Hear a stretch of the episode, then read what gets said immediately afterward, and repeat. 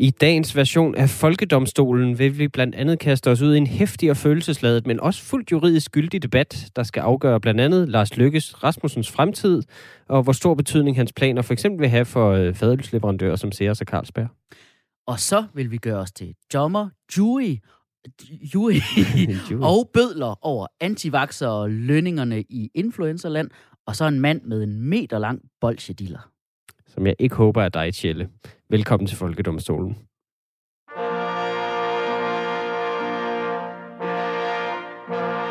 Ro i radioen. Ro i radioen. Retten er sat i Folkedomstolen. De ærede dommere er Mikkel Rask og Tjelle Vejrup fra henholdsvis Østre og Vestre Landsret.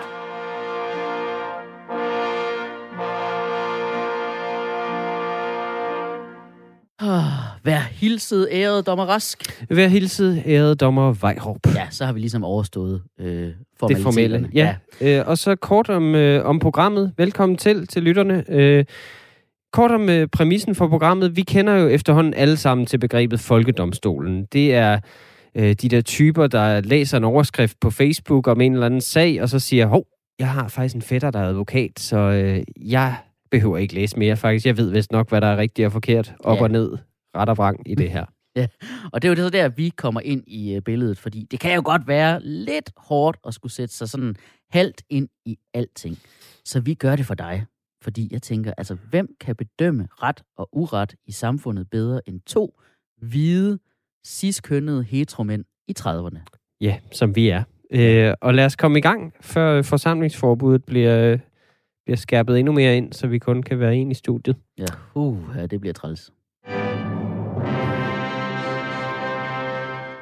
Og du lytter som sagt til øh, Folkedomstolen på Radio 4, hvor vi øh, dømmer alle tidens nyheder og tendenser fuldstændig uden hensynstagen til rigets sikkerhed. Og øh, øh, Mikkel, du har vores første sag i dag. Hov, jeg skulle da lige smide sådan en, øh, en, en skiller på, der lige siger... Godt have en stemme, der siger sag nummer et. Ja. Folkedomstolen præsenterer sag nummer 1. Ja, jeg stiller mig officielt som anklager i sagen Folket mod antivaxere. Så altså folk, der er imod vacciner, ikke? Dem er du imod. Ja, Du er anti-antivaxer. ja. Wow, det, altså det må jeg sige, det er meget modigt. Tak skal du have. Jeg synes også selv, det er en meget modig position at indtage. Nå, jamen, jamen programmet er jo bygget sådan op, at øh, der er nødt til at være en anklager og en forsvar, og øh, jeg må jo så være beskikket forsvar i, i det her, og det er jeg 100%. Men altså, Mikkel, Godt. som anklager, så må du gerne præsentere dit første argument imod antivaxere. Ja, nu hvor øh, covid-19-vacciner rulles ud over hele verden, så kan jeg da nok love for, at folk også ruller sig ud på Facebook med antivaccineholdninger, øh, som de kalder sund skepsis, øh, hvilket i deres tilfælde er lidt ligesom sunde snacks. Det, det er et udtryk, der ikke rigtig giver mening lige i det tilfælde, mest baseret på myter og overdrivelser. Og jeg vil sige, mit primære argument imod antivaxer og coronaskeptikere, det er, at hvis vi gør, som de siger, og lader være, og de så tager fejl, så dør vi. Det, det er ligesom mit argument. Altså, hvis, ja. hvis, vi, hvis, vi, øh, hvis vi ligesom ikke følger dem, og de har ret, og vacciner giver autisme, altså, Nå. så overlever vi nok det. Ja, og så bliver vi bedre til at tælle. Ja, præcis. Øh, okay. Ej, ja, okay, den er, den er lidt svær at forsvare, den her. Men altså, okay, jeg vil, jeg skal lige i gang. Jeg vil sige, sunde snacks er en ægte ting. Det er det altså. Rosiner for eksempel. Alle elsker rosiner, og hjemme ved os, der giver vi altid rosiner til børnene til Halloween. Og de bliver så glade, at de takker os ved at give os gratis toiletpapir, som de kaster ud over vores tag. Der, der, der er du god til at argumentere, vil jeg sige, fordi du, du slår ned et, et sted, som, øh, som har et hul. Det, det kan jeg godt lide. Øhm, men mit andet argument imod øh, antivaxer, altså deres, deres argumentation går jo tit ud på, at de ikke vil putte ukendte ting i deres krop. Øh, men så kan du heller ikke drikke en cola. Altså, du kan ikke gøre noget som helst, medmindre du selv har brygget den i dit badekar. Altså, vi ved jo ikke noget som samfund om nogen ting, vi indtager i princippet. Det er jo bare noget, vi stoler på altid. Mm. Og de har det sådan, ej, men det er min krop, og den har jeg ret til, og åh, nu skal, man, nu skal man ikke bestemme over mig, man skal hoste i albuen nu, og det skal være ens egen albue. Hold nu kæft. Altså, stol Der- lidt på samfundet. Okay. den er nem at forsvare, det der. Fordi der vil jeg lige tilføje, det er lidt sjovt, at alle jer pro-vaccine snifnuk alle sammen altid taler om, at uh, man har ret til at bestemme over sin egen krop, når det gælder samleje og aborter, men man har ikke lov til at bestemme over sin egen krop, når det drejer sig om at få blæst gift ind i blodårene. Er det samme firma, der primært er kendt for at lave Viagra? Altså, øh, måske stoler vi bare ikke øh, blindt på medicinindustrien? Nej, nej, og det er jo hele, det er jo hele, det er jo hele tankegangen, den der, åh, hvad ved læger egentlig? Altså, jeg er nødt til at sige mere end dig og mig. Men fair nok, altså den dag, du så falder om med nogle brystsmerter, så lover jeg dig at råbe, er der en konspirationsteoretiker til stede? Så kan han jo løbe hen og sætte sin laptop på, sig, på dig og bare skrive løs i en Facebook-tråd. Så jeg håbe, han sætter gang i hjertet med de der rastende tastetryk der. Altså helt ærligt. Ja, okay. Nu, så siger du, at en konspirationsteoretiker ikke vil kunne helbrede et hjertestop. Men ja. hvorfor skulle sandheden ikke kunne kurere et hjertestop? Jeg spørger bare. Prøv at høre her. Læger har i årtier arbejdet med placebo-medicin. Medicin. Det vil sige medicin, der bare er saft og halspastiller. Ja, som test. Altså, jeg, jeg kan, men det er jo hele idé. Det er jo, det er jo sådan, de her mennesker tænker, sådan som du siger lige nu. Og altså, det, det, det, det er simpelthen ikke... Jeg ved ikke, hvornår det er blevet research og har læst en blog. Det er simpelthen ikke nok. Altså, det, det, du, du kan høre på ordet blog, at det er en, der bare har brækket sig ud over sit tastatur. Bare blog, blog, blog. Altså, ja. det er simpelthen ikke nok. Men Mikkel, du kan ikke skrive blog uden bog.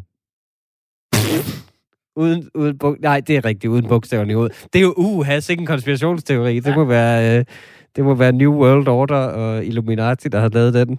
Mm. Jeg tænker bare, altså der, der er jo nogen, der siger, at hele coronasituationen og vaccinerne er sådan en stor konspiration. Mit modsvar til det vil være nej, fordi det er vores politikere simpelthen ikke kloge nok til.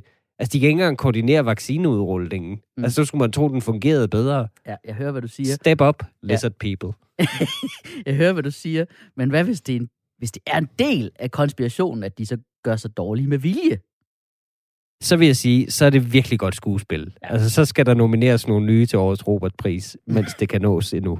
Okay. Har du flere øh, anklager mod øh, antivaxer? Ja, ja. Fordi det er jo ikke kun anonyme tosser på Facebook. Der er jo folk med navnsnævnelse, der, der falder i den her konspirationsgryde. Også læger. For eksempel Vibeke Manneke, øh, der til dels i hvert fald er gået med på den. Hende, øh, hun er jo øh, en kendt øh, mærkelig Ja, man kan vist godt sige, hun er 100% gået med på den. Ja, det må man sige. Øh, hun har sammen med sin øh, datter, Maj Manneke, som er smykke, smykkesælger i en eller anden udstrækning. ja, øh, ja, har skrevet en, de har skrevet en bog sammen, simpelthen, som hedder Koro på. En samtalebog om ikke at tage covid-19 så alvorligt. Jeg synes, titlen i sig selv burde udløse fængselsstraf lige der. Nej. Koro på. Nej, det er en genial titel. Der er du nødt til at indrømme. Jeg havde også accepteret koronaj eller koronæ. Jeg synes, det er bare skønt, at en mor og en datter har så nært et forhold, og så deler interesser. Det giver mig da håb for fremtiden i forhold til mine egne børn. Så kan jeg måske sammen med Agnete skrive en samtalebog om, hvorfor mor altid går så meget op i at hænge jakkerne på plads. Jamen, det, det er jo det, de gør. Altså, de, er, de simpelthen lever i protest. Det er det, de gør. Altså, Maj Manneke, hun har, hun har holdt sin, øh, sin smykkebutik åben i protest imod øh, nedlukningen her. Øh, og det, det vil sige, det, det synes jeg er vanvittigt jeg, det, fordi de snakker altid om at, være, at bryde fri af hjernevask og så videre, de her konspirationsteoretikere. Men det er, jo, det, er jo, det er jo vildt at være så hjernevasket af kapitalisme og business, at det eneste, man skal sikre sig, det er, at man kan blive ved med at gå på arbejde. Det er det vigtigste. Hvad betyder liv og død i forhold til januarudsalg? Ingenting. altså, det er, jo, det er jo fuldstændig meningsløst oprør. Altså, du følger jo stadig autoriteter, når du er sådan en konspirationsteoretiker. Nu, nu er det bare en eller anden psykisk syg YouTuber, du godtager. Eller i Maj tilfælde, hendes mor. okay, der vil jeg lige komme med et forsvar for mig, Manikes. Øh, det der med, at hun og holder sin butik åben, ikke? Ja. Hun er smykkehandler. Hun sælger primært sine varer til reality-stjerner, så når hun åbner sin butik, trods restriktioner, så er det jo kun folk, der hedder Lenny og Jasmin, det kommer til at gå ud over, ikke? Det er den ultimative måde at komme af med reality-stjerner på. Det er det, der menes med, at alt skal væk. Det er også derfor, at vi bør genåbne alle neglesalonger, solcentre og chihuahua-forhandlere det er faktisk en konspiration, jeg godt kan støtte op om ja. øh, og få udrenset. Jeg synes bare, det er lidt mærkeligt, at på den ene side lytter man til læger, og på den anden side lytter man til Maja Mandike og Sasseline fra Soap. det, det er ikke helt lige. Hvorfor skulle vi ikke lytte til Sasseline? Hun har jo ret. Altså, Når hun siger, at covid-19 ikke er farligt, så har hun jo ret. Fordi hvad dræber bakterier? Det gør sæbe. Ja. Og Sasseline sang selv, Soap is in the air. Truslen er derfor væk. Tak til Sasseline og Soap. Jeg kan godt mærke, at du giver dig ikke. Jeg, jeg tror simpelthen, vi er nødt til at få et vidne i skranken. Ja, okay. Vi skal have en ekspert på området, en, der ved noget ægte om medicin, så det er ikke bare os to, der sidder og gætter alt muligt. Kender du en læge så? Nej, altså, vi kan ringe til Mikkel Klintorius. Altså, han er komiker, men er hans far ikke? Er det ikke noget med, hans far er læge? Jo, det tror jeg, det er rigtigt. Ja. Jamen, han er jo perfekt ekspertvidne så. Ja, ved du hvad? Så prøv- Andenhånds ekspert. Det er det, vi har brug for. Ja, lige præcis. Vi prøver lige at ringe til Mikkel.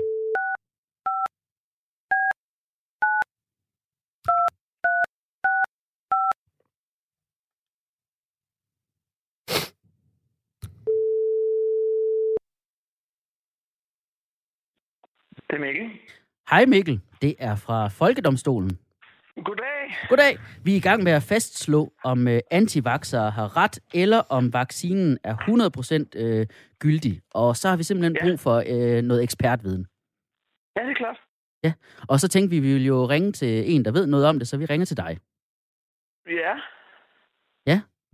Ja, Altså, du lyder som om, du undrer dig lidt over det. ja lidt. Men det er jo bare fordi, altså din far, han er jo læge, ikke? Overhovedet ikke. Han, han, altså, han er det stik modsat af at være læge. Hvad? Ja, Ved han, man? han er død. Nå, Oh, Men han, har, han har heller aldrig været læge. Nå. Ja. Men er det... Nej, der, det er dig, der... hvis din... Der er en eller anden komiker, hvis far er læge. Er det ikke Victor Lander, vi tænker på? Vi bliver tit forvekslet. Det er. Åh, det er rigtigt. Ej, Begge to sådan høje og... Det er rigtigt, det Ja. er Victor Ringede. Landers far, der... Shit. Okay. Ja, det er Victor. Vi har ikke lige Victors nummer. Altså, kan du... Okay. Kan du forestille dig, hvis, ja. Ja. altså, hvis din far... Hvis Victor Landers far var din far, kan du Ja. så... Okay.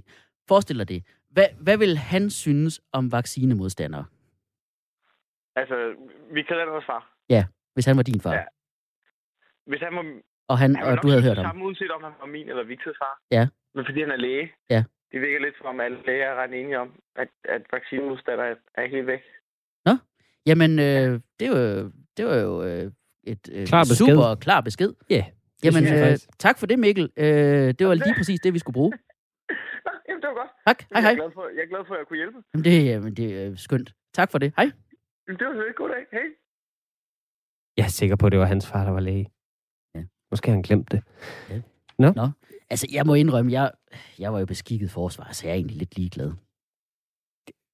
Okay, så du, du lægger dig bare fladt ned nu. Ja. Altså, du, skal du ikke kæmpe lidt mere for det, eller et eller andet? Mæh. Nej, men jeg, så vil jeg godt komme dig lidt i møde, fordi jeg synes jo faktisk, at det er fint med de der vaccinemodstandere, hvis det ikke går ud over andre. Men det gør det jo, det er der er problemet. Så jeg foreslår, som et kompromis, at vi flytter alle, der ikke ligesom vil deltage i det her, og vil have deres frihed til et isoleret sted. Øh, Bornholm for eksempel, nu slynger jeg bare idéer ud. Ja. Så kunne de jo ligesom rende rundt der og bare spytte hinanden i munden og holde døgn åben med kun influenza-syge ansatte, der ikke vasker hænder og altså bruge, fem, øh, bruge fastnettelefoner, fordi der ikke er nogen 5G-master, fordi de er bange for. Det kunne, det kunne de have en fest med derover, og så kunne vi andre ligesom komme videre som samfund. Så kunne vi måske komme på øen som turister stadigvæk, iført den der dragt, Mette Frederiksen havde på, da hun besøgte minkfarmen der. Altså, så kunne det ligesom være deres lille vaccinefri paradis. Jeg hører kunne vi andre dig. leve i fred. Jeg hører dig 100 Leave Bornholm out of this. Okay. Bornholm fik lorten efter 2. verdenskrig, der hvor der gik et år før alle vi andre tænkte, hov, russerne har stadig invaderet Bornholm, det er da ikke fedt. Ja, præcis. Det, er, altså, okay, så ikke Bornholm. Fint. Okay. Godt, vi skal have en dom. 10 kendes for ret. Dommen lyder, det er ok at være både antivaccine og butiksrebel, men alle de mennesker skal samles og isoleres i Messecenter Herning, så, som fremover bliver deres fristat. Sådan. Så er den afgjort. Videre til sag nummer to. Fremragende videre til sag nummer to. Folkedomstolen præsenterer sag nummer 2. Ja, du lytter stadig til Folkedomstolen på Radio 4, et program, hvor to folkelige, folkelige komikere afgør sager på hele folkets vegne, uden irriterende ting som baggrundsviden og uddannelse eller rigtige eksperter. Oh, ja. Ja, det er det værste. Og øh, jeg vil faktisk gerne øh, stille mig som anklager her i sag nummer to. Jeg stiller mig som anklager i sagen Folket mod Lars Løkke Rasmussen. Øh, han blev sparket ud af sit eget parti, Og nu er han så, altså han blev ikke sparket ud, han meldte sig ud, men han blev ligesom frataget øh, posten som leder, og nu øh, er han så løsgænger i Folketinget, som om han var en anden Jakob Havgård. Og ved du hvad? Det er ikke hammer, hammer fedt. Kysser du mig lige om lidt? Måske. Hvis vinden er god for mere end to. Okay. Jeg vil forsvare Lars, fordi øh, det får jeg simpelthen penge for af Lykkefonden. Oh. Øh, så det er, nej, det er, det er egen fri vilje, at man gør det. Okay. Jamen, ved du hvad? Så stiller jeg mig øh, som anklager øh, i forhold til, om Lars Lykke har en fremtid i politik, eller om han er færdig. Og jeg siger, at han er færdig, fordi jeg, altså, jeg, jeg mener ikke engang, at han bør have en fremtid i politik. Hans tid som statsminister, den var omgivet af løgne og fortielser. Det var skandaler om fiskerkonger og betalte rejser og underhåndsaftaler, der klæber sig til manden. Jeg synes, det er sjovt at diskutere, om han har en fremtid i politik. Jeg kan knap nok få mig selv til at sige, at han har haft en fortid i politik. Der er jeg jo helt uenig. Altså, mit, mit argument for Lars Lykkes fremtid i politik, han er Danmarks mest ærlige politiker. What? Simpelthen. Jamen, det er han. Nå, ikke i det, han siger eller gør, men hvordan han ser ud. Der er jo ingen, der kan se på Lars Lykke og, og tænke, det er en troværdig fyr, ham der. Så han melder fuldstændig klart ud. Han, han, han ligner en satiretegning fra 1930'erne af en politikerslyngel. Altså, han mangler bare en høj hat. Han er, han er, han er jo bygget som sådan en, en svindlerisk baron. Ja. Og det kan jeg virkelig godt lide. Fordi han, han ligesom, nå, det er relaterbart. Han minder os om, hvad vi selv ville gøre, hvis vi pludselig fik adgang til magt og repræsentationskonti og alt muligt. Det, det, det er kraftet med relaterbart. Uh, jeg, jeg, jeg synes bare, relaterbart, det er bare blevet sådan et irriterende buzzword, fordi jeg kan, jeg kan jo ikke lide de der politikere, der aldrig har prøvet at være ude i den virkelige verden. Men det der med, at påtaget folkelighed, det skulle være godt for en politiker, det har jeg bare ikke fattet. Altså se for eksempel bandet Fede Finn og Funny Boys, Ja. som vi elsker. Ja. Ham Finn, han var jo lokalpolitiker i Holbæk, men han fattede, at han skulle bruge sin folkelighed på at spille musik. Jeg synes bare, Fede Finn var for god til politik. Det, det er simpelthen derfor. Altså, men, men nå, men det er jo det, Lars ved. Han har jo forstået det samme som det band der. Lars Lykke ved, at danskerne elsker en underdog. Det er også derfor, han har taget så voldsomt på igen. Altså, der var ingen, der kunne lide Tønde Lars, der drak citronvand kun. altså, det er der er ingen, der kunne lide. Jeg, altså, hans nye parti kunne for mit vedkommende gerne hedde Fede Lars og Funny Boys. Det ville være så passende. Men vi kan da ikke se op til en politiker, der påstår at være folkelig, men som får sine strømper betalt af partiet. Og i øvrigt, hvem skal nu betale Lars Lykkes strømper, når han ikke længere har et parti? Det, jeg tror, det er derfor, han, han stifter et nyt parti. Simpelthen. Det bliver for, altså, og det, det kan jo være for alle dem, der ikke passer ind i andre partier. Uffe Elbæk, Nasser Carter, alle de gode. De kan hedde The Expendables, så, hvis det andet ikke slår an. Altså, det bliver sådan dansk, dansk politiks afdeling Q. Du ved, med de skæve personligheder, der alligevel får jobbet gjort til sidst, ikke?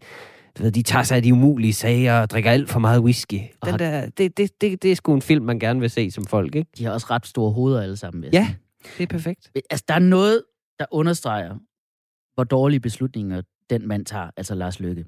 Mm-hmm. Der vil jeg lige komme med endnu en anklage. Han tager virkelig dårlige beslutninger. Han lavede et interview på DK4 med Buber, som det første efter udmeldingen. DK4 Buber.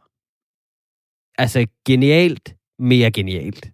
Simpelthen, det er det. Han har da hættetrøje på i det interview. Det er, så bliver det ikke mere folkeligt. Det vil selv Mette Frederiksen skamme sig over at gøre, og han gør det bare direkte. Se, prøv at se her. Jeg taler ned til jer. 100% ærligt. Det, det synes jeg kraftede med sig. Der kan hun stikke sine hjemmebagte boller med leverpostej skråt op. Mm. Nå, jamen altså, jamen han er da virkelig også, øh, uff, altså. Ah, det var så godt interview, det der. Jamen, Det var det. Jamen, han fik jo bare spørgsmål, så hvordan er det at nå, når alle vil have fat i dig? Manden har jo været statsminister. Jamen, det, er jo- altså, det er jo det, han, han, han er jo fuldstændig fri nu. Han er fri af det der statsminister noget. Han er fri til at, fri af Venstre, fri til at blive interviewet af Bubber, som i øvrigt sidder i bestyrelsen i Lykkefonden, så han kan føle den der frihed over ikke at skulle stille op til kritiske spørgsmål hele tiden. Det er smukt at se på, at han breder sine vinger ud. Der er ikke længere noget, der hedder privat Lars og minister Lars. Nej, det er bare en fri sjæl. Ja. Altså, Ja, og han er virkelig, altså, han har også lige lavet en hel sæson af Over Atlanten, mens han stadig var valgt til Folketinget. det er altså også frit. Han har bare taget fri. Det er fantastisk frihed, ikke? Det er da smukt. Er du klar, hvor stor en bedrift det i øvrigt var?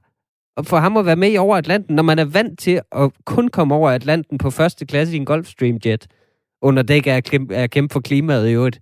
Det, så, er det altså, så er det et langt step ned og sejle i en båd. Det vil jeg bare sige. Stor respekt herfra. Jeg synes, det er usympatisk. Altså, det, er en, en anklage er, altså, han, han tænker jo ikke på os andre. Det er sgu da skide usympatisk. Han tog ud og rejse, vel at mærke, i en tid, hvor udlandsrejser er forbudt for alle os andre. Altså, jeg forstår ikke, du kan kalde ham usympatisk. Jeg forstår ikke, at nogen kan kalde Lars Løkke usympatisk. Han er en hundeven. Og det, Ja. det, det trumper alt. Simpelthen. Lars' hund Beauty er faktisk i øvrigt lige løbet væk, efter den hørte kanonslag. Hvis ikke det i Danmark kan udløse et politisk comeback, så ved jeg ikke, hvad der kan. Jamen, for helvede. De har jo også fundet hunden igen, ikke? Ja, det er så Og godt. jeg forstår godt, den Alle af. følelser er i spil. Den var væk i fire dage. Den var ikke stukket af. Den havde brug for ferie. Altså, det var ikke et uheld. Ej, hvorfor skal det også have så stor opmærksomhed, at mandens hund løb væk hjemmefra? det er folkeligt. Nej, det er jo ikke folkeligt. Jeg så billedet på hans efterligning, eller efterlysning, han lagde op på Instagram. De har to fuldstændigt ens hunde, ikke? Jeg er fra landet, og hvis man har mere end en af noget, så skældner man ikke længere imellem dem, og man har ikke følelse for dem. Så har de bare numre. Jamen, sådan har Lars det ikke med hunden, sådan har han det med partikammerater. De er expendable. Jeg De tror kan bare lige, vi kan nå at snakke om altså, det med, at alle kalder ham for en politisk håndværker, ikke? Ja, det er han. Ja, ja, og der, der vil jeg altså også gerne lige anklage ham, fordi jeg synes, altså alle kalder ham for en politisk håndværker, og fair nok. Jeg synes, at han er om nogen billedet på, hvordan håndværkere selv bestemmer, hvornår de kommer og går, og om de er færdige med noget eller ej, og så står man der med regningen for hovedet bagefter. Prøv, det er fuldstændig rigtigt. Han kommer ligesom en håndværker, dukker pludselig op, når man mindst venter det, smadrer en hel masse, går igen. Man ser ham ikke lige noget tid. Men så føler man sgu da, der sker noget. Og det med betaling, det kan vi sgu klare under bordet, eller lige med nogle vinterdæk. Ja, ja, men igen, du får det til at lyde så folkeligt. Det er jo, politisk håndværk er jo ikke folkeligt. Han er jo bare tjøffer. Ja, jamen, der er, ikke nogen, der er jo ikke nogen, der som ham kan gå ned i detaljerne i en forhandling. Sådan virkelig, det, det der håndværk, han, han, han er god til, ligesom trække den ud. Og, altså, det var sådan, han fik sin sundhedsreform igennem i sin tid. På bare, han kunne bare sidde længere tid end de andre. Det er, da, det er da folk, det er mange års træning i at sidde og småskændes på en bodega, hvor andre får ondt i røven til sidst og er nødt til at rejse sig, så bliver Lars bare siddende helt følelsesløs, indtil der er et resultat, som alle er lidt utilfredse med. Men det er der. Ej, siger du, jeg skal sige, siger du, at Lars Løkke ikke har nogen følelser i sin røv? Ja, jeg tror, han har skåret nervebaner over eller et eller andet for at kunne sidde længere. Simpelthen. Okay, ved du hvad? Jeg har, jeg tænker lige, vi, vi bliver ikke enige. Nej. Altså, jeg kan godt mærke det. Du føler for ham, men jeg synes du også, du føler for ham på sådan en, en måde, som om, at, at, at du ved, det er fordi, han, han, han er, er uærlig, men det, han er ærlig om det, eller sådan Det noget. er Ikke? gennemstrøm. Han kan ikke skjule noget som helst af det. Jeg tror, vi skal have fat i et vidne. Jamen, det kan godt være. Folkets stemme er jo den vigtigste i politik. Det skal vi huske på, ikke? Det skal vi huske. Vi skal have en fra folk. Vi skal, jeg har, og jeg har faktisk legnet en op Okay. øh, til os i dag. Øh, det er Frederik Rosgaard, vores Nå. kære komikerkollega og, øh, og talentprisvinder ved Ja. Zulu Comedy Gala 2020. Øh, han har faktisk en fortid i Venstres Ungdom. Nå. Øh, som han ikke øh, er så glad for at snakke om, men øh, det synes jeg faktisk kvalificerer ham 100% til at analysere alt om Lars Lykkes fremtid. Ja, jeg ved ikke. Det, jeg synes faktisk, det lugter lidt for meget af en rigtig ekspert. Ugh. Nej, han er meget folkelig. Altså, okay. Okay. han er stand-up-komiker, så det er øh, totalt pøllet. Okay, jamen ved du hvad, så ringer, så ringer vi skulle lige op til Frederik Yes. På vores fastnet-telefon. Frederik har et utroligt irriterende telefonnummer.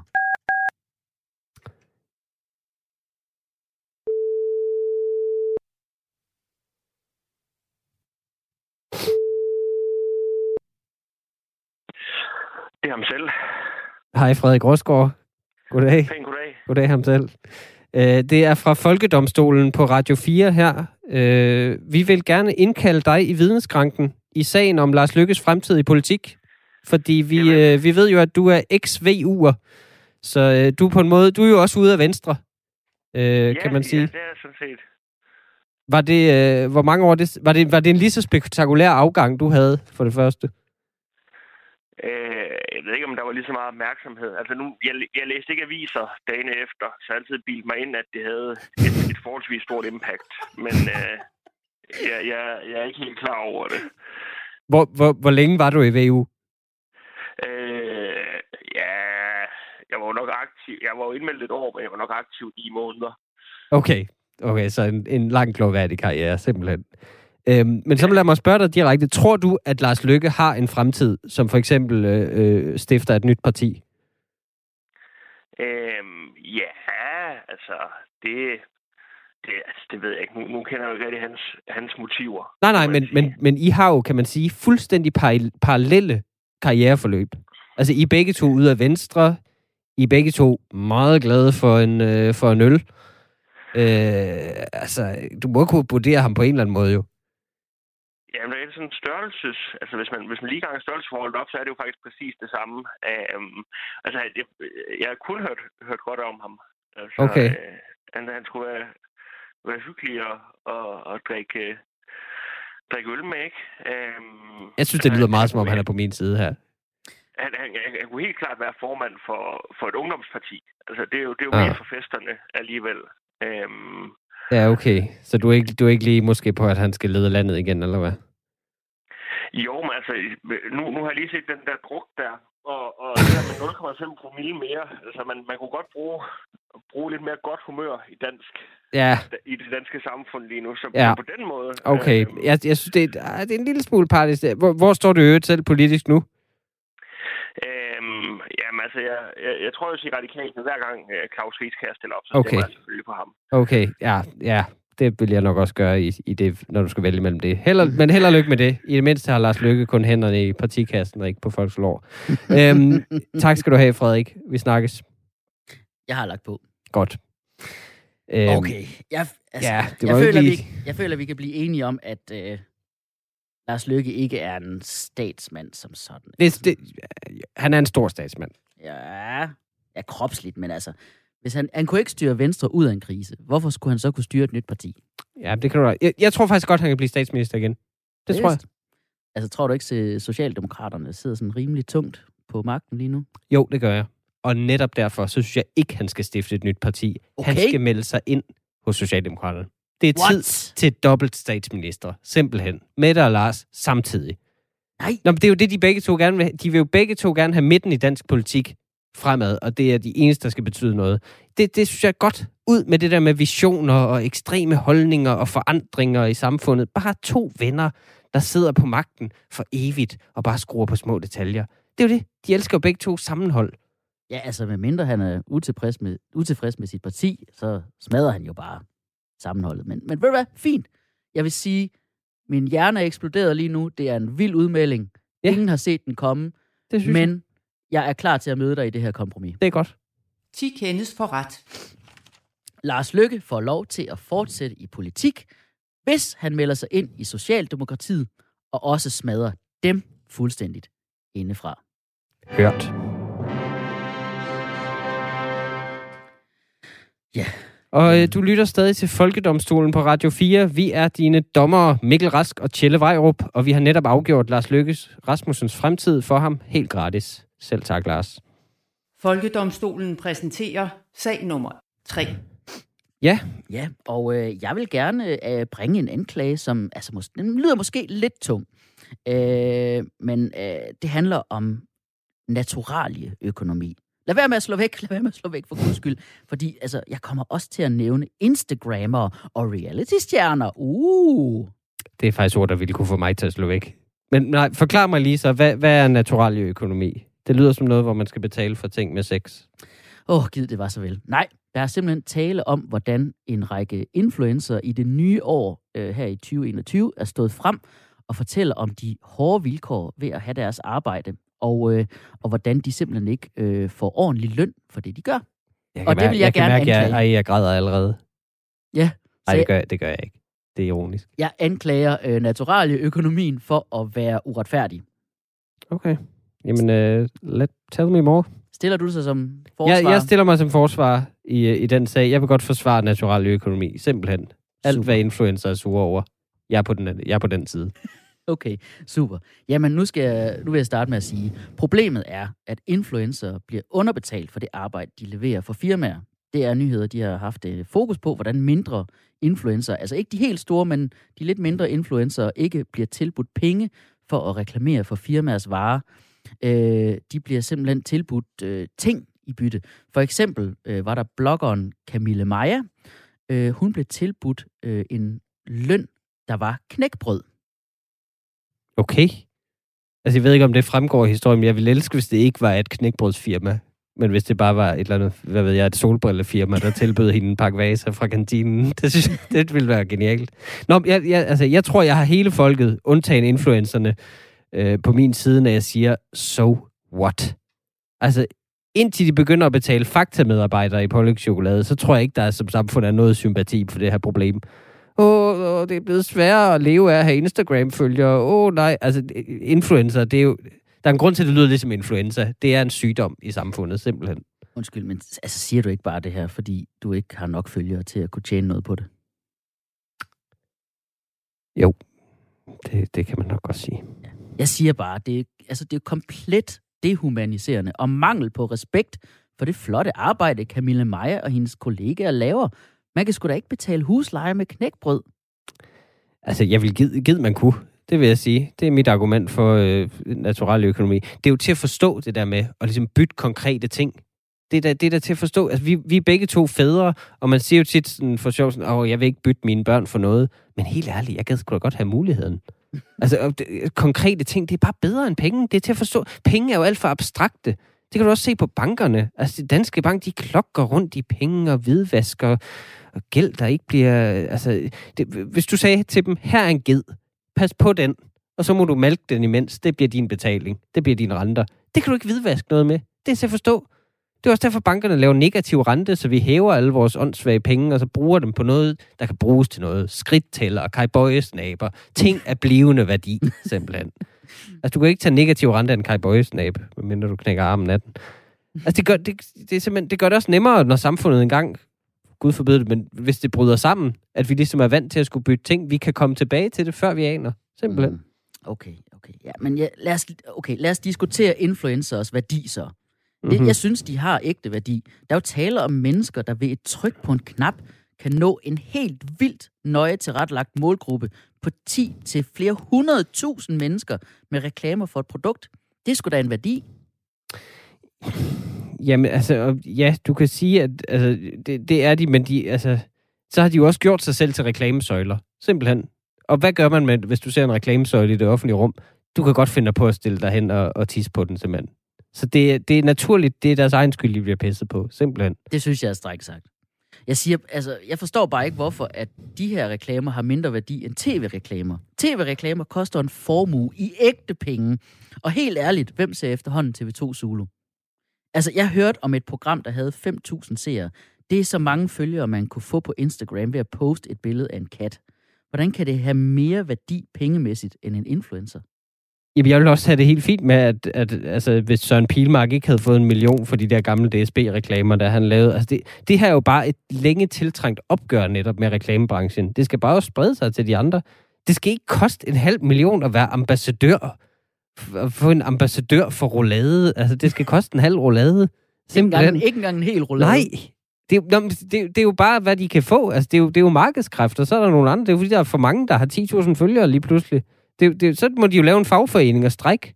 Det ville, faktisk være, det ville jeg faktisk elske, hvis de gjorde. Så kunne vi andre slippe for imens at se alle de der billeder af en mor yoga med aktivist, ambassadør, sponsorblogger, som balancerer en kernemælk på hendes kæmpe røv. Altså, det, det gider jeg ikke se på. Og det ville være fint, hvis de slukkede lidt for det. Nå, det gider jeg da ja, okay. Det er også bare, jeg føler måske den her ekstra meget, fordi jeg selv er det, man måske kan kategorisere som en mikroinfluencer. Øh, jeg har sådan 6-7.000 følgere på Instagram, ja, og, og jeg troede... Jeg må indrømme, jeg hvilede en, troede, jeg hvilede ret meget i mig selv, men det gjorde sgu lidt naller at høre, at jeg var mikroinfluencer. Altså, det, det, jeg synes, det er godt at vide, hvor man står, kan man sige. Det er også derfor, natural økonomi. Det er et godt skridt hen imod, at alle influencer ligesom indser, hvad de er værd som ikke er ret meget. Altså, jeg, og jeg snakker også for mig selv. Jeg er, jeg er selv nano-influencer. øh, niveauet under mikro. øh, altså, jeg kan kun påvirke min kone til at købe ting, og det er ikke engang altid, det virker. Men der er der heller ikke nogen penge involveret. Okay. Det kan jeg love. Men prøv at høre, jeg er blevet tilbudt to gange at reklamere for en streamingtjeneste, hvor min løn var et halvt års gratis abonnement. Jeg har i forvejen streamingtjenester, og jeg bruger ikke halvdelen af dem, okay? Jeg har HBO, men jeg får ikke set det, fordi det er for deprimerende, det de har. Og Viaplay, de har kun serier, jeg ikke kan se længere, fordi jeg er erklæret feminist. Så kan jeg ikke se det, de laver. Og måske er udvalget på Disney Plus ikke så imponerende alligevel, hvis man allerede har set alle Marvel-filmene. Og jeg får stress af at skulle overskue Netflix. Okay, men har du UC? Øh, hvorfor? Så vil jeg gerne låne et login. Lige for at se Sunday en gang. Okay. Det kan jeg rigtig godt tænke. Det, jeg, det, jeg har allerede selv lånt et UC-login af min nabo. Det, det, det er den nye valuta. Det er Nå. da perfekt. Så kan man, man skifter dem ud af det, det penge. Det vil bare forvirre tingene, simpelthen. Okay, ja, øh, lige, vi kan lige hurtigt nå at kigge på noget andet, fordi i Skanderborg Kommune, der har man lanceret i 2021 en kampagne, hvor man vil give unge borgere i kommunen med et hashmisbrug et gavekort på 200 kroner for at gå i misbrugsbehandling. Det er da også latterligt, er det ikke? Jamen, igen, perfekt. De kan jo ikke, altså de, de vil jo, hvis de får reddet penge, så vil de bruge dem på hash. Giv dem et gavekort, det er da genialt. Alle ved, at hvis du først får sådan en blender fra kop og kanden, så har du ikke brug for stoffer længere. altså, jeg, jeg er da personligt afhængig af smoothies nu. Også, altså, så bliver du så røvsyg og voksen, at ingen vil tilbyde dig stoffer længere, hvis du står og indløser et gavekort. det er da den perfekte udgangsstrategi fra okay. et misbrug, simpelthen. Ja, vi, jeg Altså tror, vi skal også- til at votere. Jamen også som feminist, så må du kunne se det fornuftige i det her. Ja. Det, det er mit primære argument, vil jeg sige, for, for natural økonomi. Ja. At hvis en mand fremover prøver at lave en MeToo ved at sige, du kan jo også betale i naturalier, så er en kvinde i sin gode ret til bare at give ham en sæk korn. Eller, eller en ged. Eller noget knækbrød. Simpelthen. Okay. Jeg må, indrømme, okay. jeg må indrømme, at du har givet et fremragende svar for natural økonomi. Tak. Og altså, man kan jo også bare sige nej. Det har jeg i hvert fald gjort. Nå. Okay. Jamen, okay. ja, okay. Vi, vi, vi, vi, vi, vi afsiger en dom her. Skal vi ikke gøre det? 10 kendes for ret. Jamen, øh, som øh, ugens voldsomme demonstrationer i USA har vist, så er dommedag så nær, at øh, naturaløkonomi snart må være at betragte som den primære økonomi. Vi afskaffer derfor kontanter og lader al handel fremgå for, øh, fremadrettet foregå ved udveksling af håndfaste goder. Et brød kan for eksempel koste en grensaks, eller hvis brødet er af økologisk surdej, en plæneklipper. Jo, må jeg så få lidt af det knækbrød, du har derovre? Det er godt, jeg sætter lige en skiller på, så det ikke larmer. Tak.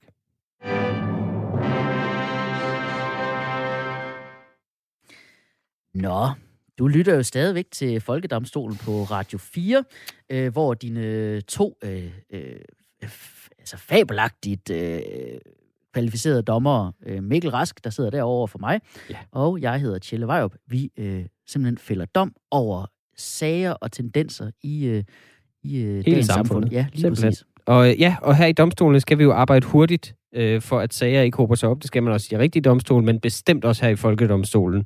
Samtidig så er Folkedomstolen både en dømmende og en lovgivende magt. Vi går hele vejen rundt, sådan er det i Folkedomstolen. Der er bare bum, bum, bum, vi bestemmer alt. Så derfor kommer der her en række lynhurtige domme og nye lovforslag og vedtagninger i et segment, vi kalder Folkedomstolen præsenterer lynjustits. Åh, oh, Yes. ved du hvad? Det, det, lynjustits, det skal jo lige have en eller anden følelse af, at det er sådan lidt intenst, ikke? Ja. Så ved du hvad, jeg, Kan vi ikke få noget, noget jeg musik lægger noget på? underlægningsmusik på. Jo, tak. Kan man høre det her? Det kan jeg mærke. Ja, ja, nu er den der. Sådan der. Det Så er taler perfekt. vi hen over det her. Yes, Yes. du starter bare. Efter at Donald Trump i denne uge fik lukket sine sociale medieprofiler, skal det danne præcedens. Inger Støjberg skal straffes for asylparsagen ved at blive adskilt fra sin Facebook-profil. Der er selvfølgelig undtagelser til den adskillelse øh, i vores instruks her. Øh, for eksempel, hvis hun skal lægge et hyggeligt og helt apolitisk kagebillede op. Ja, så må der bare heller ikke stå noget på kagen, der er et politisk signal, vel? Nej, nej. Øh, Jes Dorf må fremover aldrig mere, når en kvinde giver ham et nej, sige, at det er dit endelige svar. Det er lille hvem vil være millionær. Det er fordi, han var jo Ja, på det tak. for lang tid. Nu er det Tak. Christian Dein. Tak. Han er høj. Tak. Nikolaj Likås må ikke lægge stemme til en sort mand i en tegnefilm, fordi han i stedet burde bruge al sin energi på at lave sæson 2 af Mr. Poxycat. Hvornår har han lagt stemme til en sort mand? Det har, det har han i den nye, øh, nye Disney Pixar-film Sjæl. Jeg så den på engelsk, så det er derfor, jeg ikke ved det. Nå, hvad synes du? Næh, en lidt en udvandet version af Inderst Inde, synes jeg. Ja, Skal du det, det er jo en hård dom. Ja. Uh, yes. Forsamlingsforbuddet skal også sænkes til fem for Zoom-møder. Alt over det, og så er risikoen alt for stor for, at en ikke fatter at bruge sin mute-knap. Efter optøjerne i USA's kongres skal straffen skærpes, hvis en rasende gruppe trænger ind i det danske folketing og krænker nationens integritet. For eksempel ved at blive valgt for nyborgerlige. Ja. Danske bankchefer skal have evig immunitet mod hvidvaskanklager. Det er nemmere at give dem nu, end at se dem slippe for straf over længere tid og blive overrasket hver eneste gang. De nye kostråd, der blandt andet halverer anbefalingen på mejeriprodukter, dømmes til samme skæbne som de gamle. Ingen kommer til at følge dem. Følger du ikke kostrådene? Nej. Nå. Øh, regeringens nye anbefaling om at holde børn frivilligt hjemme dømmes til samme skæbne som kostrådene. Ingen kommer til at følge den. Det udløser fra nu af bødestraf og spille årets eneste sneværsdag på at dokumentere den til Instagram. Og det udløser jo også en vasker. En vasker. Uh. Meget old school. Og så skal der indføres øh, synstest for at ringe 112. Og øh, det er en lidt længere sag, det her. Men øh, det er simpelthen fordi, at der her i årets start har været to sager, hvor brandvæsenet har været nødt til at rykke ud til øh, falske alarmer, viste det sig. Mm-hmm. Øh, første tilfælde øh, ringede man øh, til øh, på, øh, brandvæsenet, fordi at man havde set en tv-pejs. Nogen havde set en tv-pejs igennem et vindue, og troede, at wow. det Wow. var ægte brand. Wow. Og så ringede de til brandvæsenet. Okay. Det, jeg kan godt lide, at det er en tv-pejs, og det ikke er en ægte ild. De- Altså, man kunne også have set en rigtig pejs, og antaget, der var ild i huset. Ja. Og så øh, den anden sag var en kvinde, der var i bad i sin lejlighed, og det var et varmt og dampende bad, præcis som jeg også kan lide dem. Øh, dampen, den var så intens, at det satte gang i hendes røgalarm, og Wow. fordi nogen hørte røgalarmen og så dampen komme ud af vinduerne, så ringede de sørme lige til Wow. the, the, Altså, jeg- the jeg-. Jeg, jeg ved godt, der er mange problemer i samfundet med folk, der kaster sten efter brandvæsenet. Jeg synes, brandvæsenet skulle have lov til at kaste sten efter de mennesker. Ja. Simpelthen. Jamen, jeg kan jo sige, det er jo ikke, det er jo ikke den person, der har tændt tv-pejsens skyld, vel? Nej, nej, det er det ikke. Det er jo, Så- det er jo, der skal være en test for at ringe 112, det er fuldstændig ja. sikkert. Hvad, hvad skal testen gå ud på så? Jamen, jeg foreslår, at det skal være en af de her sikkerhedsbillede ting fra nettet. Du ved, det der, hvor man øh, altid lige skal svare på, om man er en robot. Ja, Så for at kunne tilkalde en brandbil, så skal man udpege noget ild på 12 uskarpe billeder. okay. Så du ved, 12, 12 squares eller et eller andet, og så Okay. peg, tryk på den kvadrat, hvor der er, Hvor der rent faktisk er der rent ildebrand. faktisk er ildebrand. Yes. Og så trykker du på noget, og så siger den, nej, det er en, øh, en dragefrugt. Ja, Er det ikke det, de hedder? Den? det er en emoji, det der. Du har trykket på en emoji. Ja. Du må ikke ringe til politiet. Så i Eller stedet for at finde ud af, om du er en robot, så skal vi bare tjekke, om du er komplet idiot. Præcis. Simpelthen. Nå, jamen, øh, vi skal jo også videre, tænker jeg. Nu har vi haft lynjustits, og øh, vi bevæger os videre til øh, dagens sidste indslag. Folkedomstolen præsenterer sag nummer 4.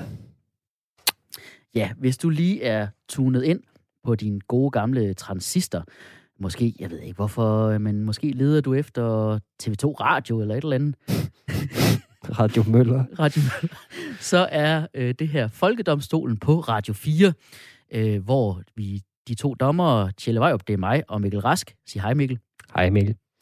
øh, vi fælder dom over sager og tendenser baseret på vores uudtømmelige viden og hvordan vinden blæser. Ja, og jeg stiller mig i øh, dagens sidste sag som anklager i sagen Folket mod John Dillermand. Selvfølgelig. Ja. Det skulle med. Altså, du er godt klar over, at John Dillermand ikke er en rigtig person, ikke? Hvad mener du? John Dillermand, han er en fiktiv karakter, så du kan ikke... Det er mere, hvis du har tænkt dig at aflevere en stævning til ham. Det kan du ikke. Nej, nej. Men til gengæld så har jeg jo set altså, op til to minutter af programmet, øh, inklusive introen. Øh, så jeg synes, jeg er helt perfekt til at udtale mig om det og fælde en dom, faktisk. Okay. Altså, jeg har hørt det, mens jeg stod ude i køkkenet og lavede aftensmad. Så jeg, ved du hvad, jeg føler mig øh, rustet til at forsvare den nye Ramachan-serie om manden med den ukontrollerbare dealermand, John Dillermand.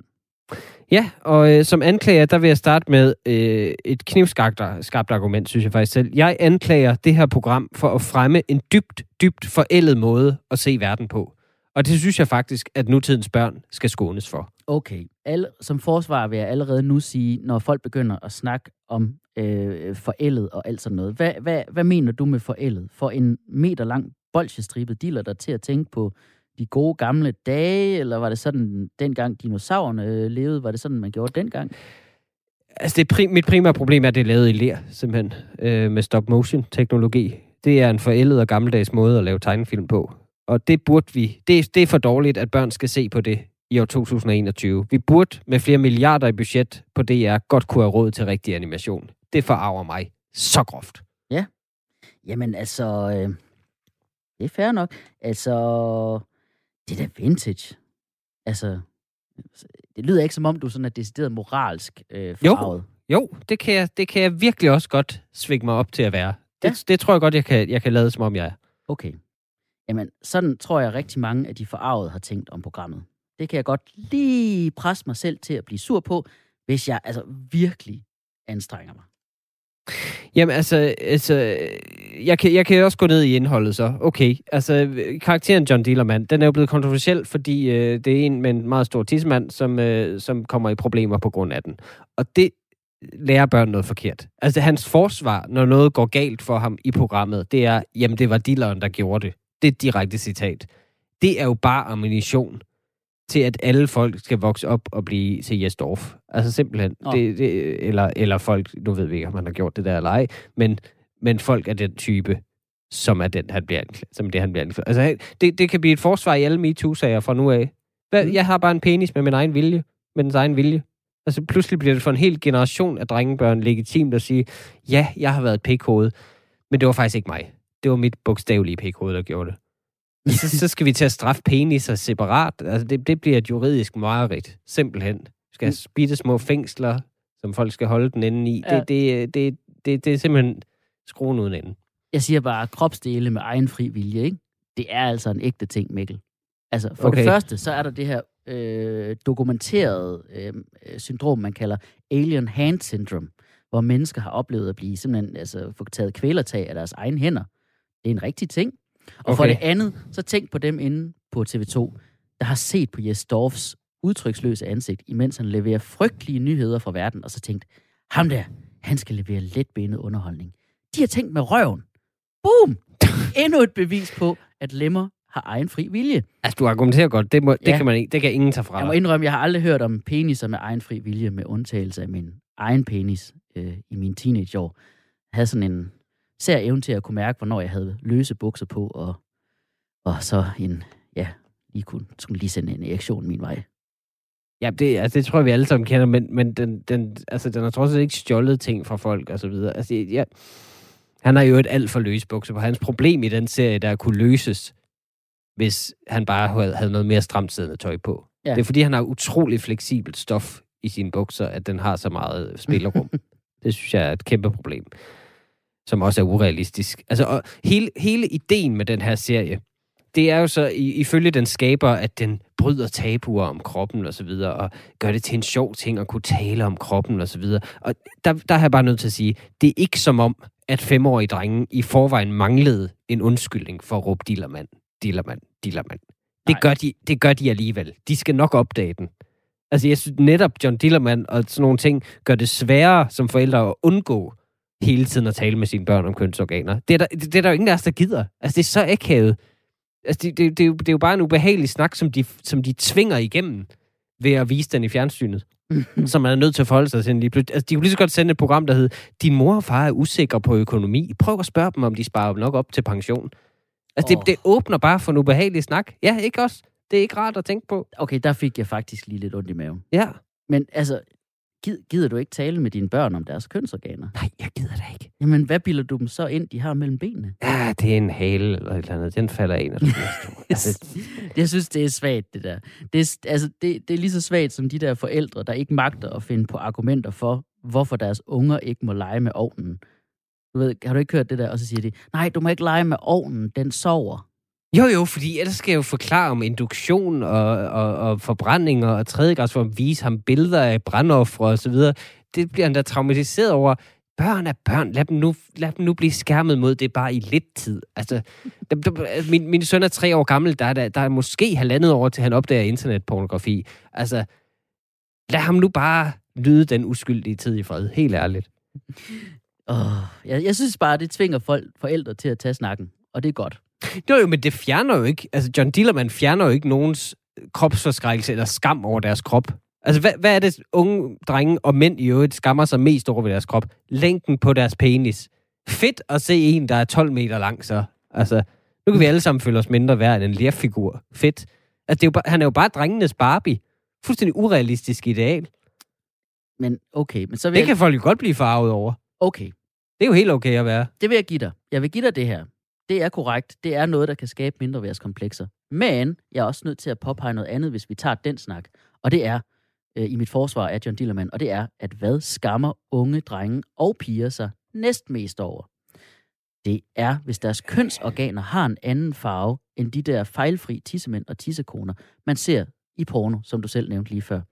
Altså de der sådan fuldstændigt øh, perfekt, øh, ensfarvede, helt uden misfarvninger og pletter øh, kønsorganer. Jeg John ved, Dillermand, du, du ved ikke, hvad jeg mener. Du har aldrig jeg ved ikke, hvad det, Nej, jeg mener helt... Det, det er kun din, der er plettet, tror jeg. ved. Nå. Jeg, jeg siger bare, John Dillermand lærer os, at selv en bolsjestribet dealer er helt i orden. Og det kan være med til at styrke unge drenge. Jamen, det er bare, det, det, det er det argument, de ruller ud hele tiden. Jeg kan bare ikke klare den der. Og, og fordi det er altid fra den samme fløj. Dem der, der er stolte af det, og det, og det er oplysende, og det er fjerner tabuer. Det der, kan det ikke bare underholde? Altså, kan jeg kan, ikke, jeg kan ikke klare den der børnetv ultranationalisme, vi har i Danmark med. Vi er så stolte af det, ja. Det er at man må ikke kritisere det der. Altså, det er vores religion i Danmark. Man må ikke kritisere BAU-afdelingen. Nej, nej, nej, nej. Vi har verdens bedste børnefjernsyn. Okay. Altså, nej, vi har ikke verdens bedste børnetv, det er ikke det her, der trækker overskrifter og starter samfundsdebatter. Det bedste børnetv, og nu snakker jeg som småbørnsforælder selv, det er noget, der pacificerer. det er noget, man stiller sine børn foran, og så har man en times fred og ro. Det er ikke noget, hvor man skal sidde og tage en pædagogisk snak og simultant kommentere, øh, det der er forresten en forkert øh, fremstilling af køn, øh, det der er meningen, at det skal åbne for en debat. Det er noget, hvor man parkerer dem. Jeg vil så sige, mine børn er altså stadig rimelig pacificeret af John Dillermand, altså serien, ikke personen. Altså, de eneste, der ødelægger min tiltrængte middagslur, det er alle jer antidiller-protestanter. Altså, hvis dine børn ikke græder, så tag en lur og lad mig være i fred. Jeg tror godt lige, vi kan nå en. Du har noget om Rule 34, kan det passe? Ja, altså det, det er jo... Nu må jeg jo gribe til de grovere metoder i at, i at anklage John Dillermand, fordi det er, det er jo så tolerant det hele, men har du hørt om Rule 34? Nej, hvad, hvad går det ud? Regel nummer 34. Det er en internetregel. Det er et internetfænomen. En tommelfingerregel om, at på nettet, hvis et fænomen findes på nettet, så vil der på et tidspunkt uvægerligt blive lavet pornografi af det fænomen. Og det betyder, at der på et tidspunkt vil blive lavet John Dillermand porno. Okay. Og det, den verden vil jeg simpelthen bare ikke bo i. Altså, du, du har helt sikkert set sådan nogle, når du har været inde på noget porno, set nogle bannerreklamer for, for noget, sådan nogle pornoparodier af Simpsons, for eksempel. Hvis du ja. for eksempel har, har søgt direkte på det. øh, men, men, men John Dillermand-porno, det har jeg simpelthen ikke brug for, selv i min mareridt. Men seriøst, ikke? En kæmpe lang dealer, der bare snor sig som en slange. Det er jo bare hentai-porno. Det har vi haft i mange år. Jamen, det er da Har jeg- creepy, har hvis jeg nogen hørt. sidder og laver det i lær. og med stop motion, sådan en frame af gangen. Jeg tror også, vi er nødt til at stoppe nu, fordi det, man kan tydeligt høre, at vi ved for meget om det her. Ja. Øhm, jeg skal lige høre, føler du rent faktisk noget for det? Nej, på ingen måde. Altså, jeg, jeg så jo South Park selv allerede som femårig, og det har ikke skadet mig overhovedet.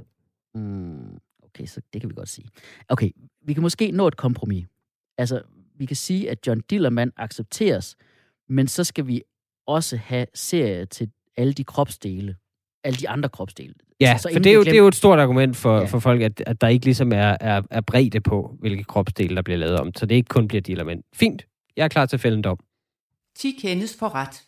John Dillermand får lov til at bestå, men DR Ramachan skal inden for en periode på maks to år have produceret serier med følgende titler.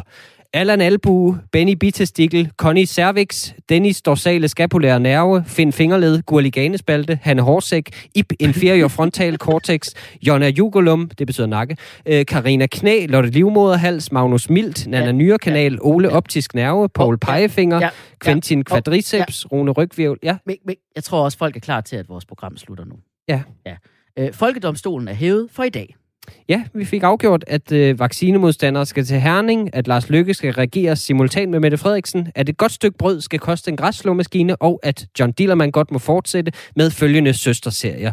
Øh, Sande Svedkirtel, Tanja Ja, Ulla Urinblære. Jeg skruer ned, jeg skruer ned for dig. Husk, du kan høre os på Radio 4's hjemmeside, Radio 4-appen, Apple Podcast, Spotify osv. Tak for i dag.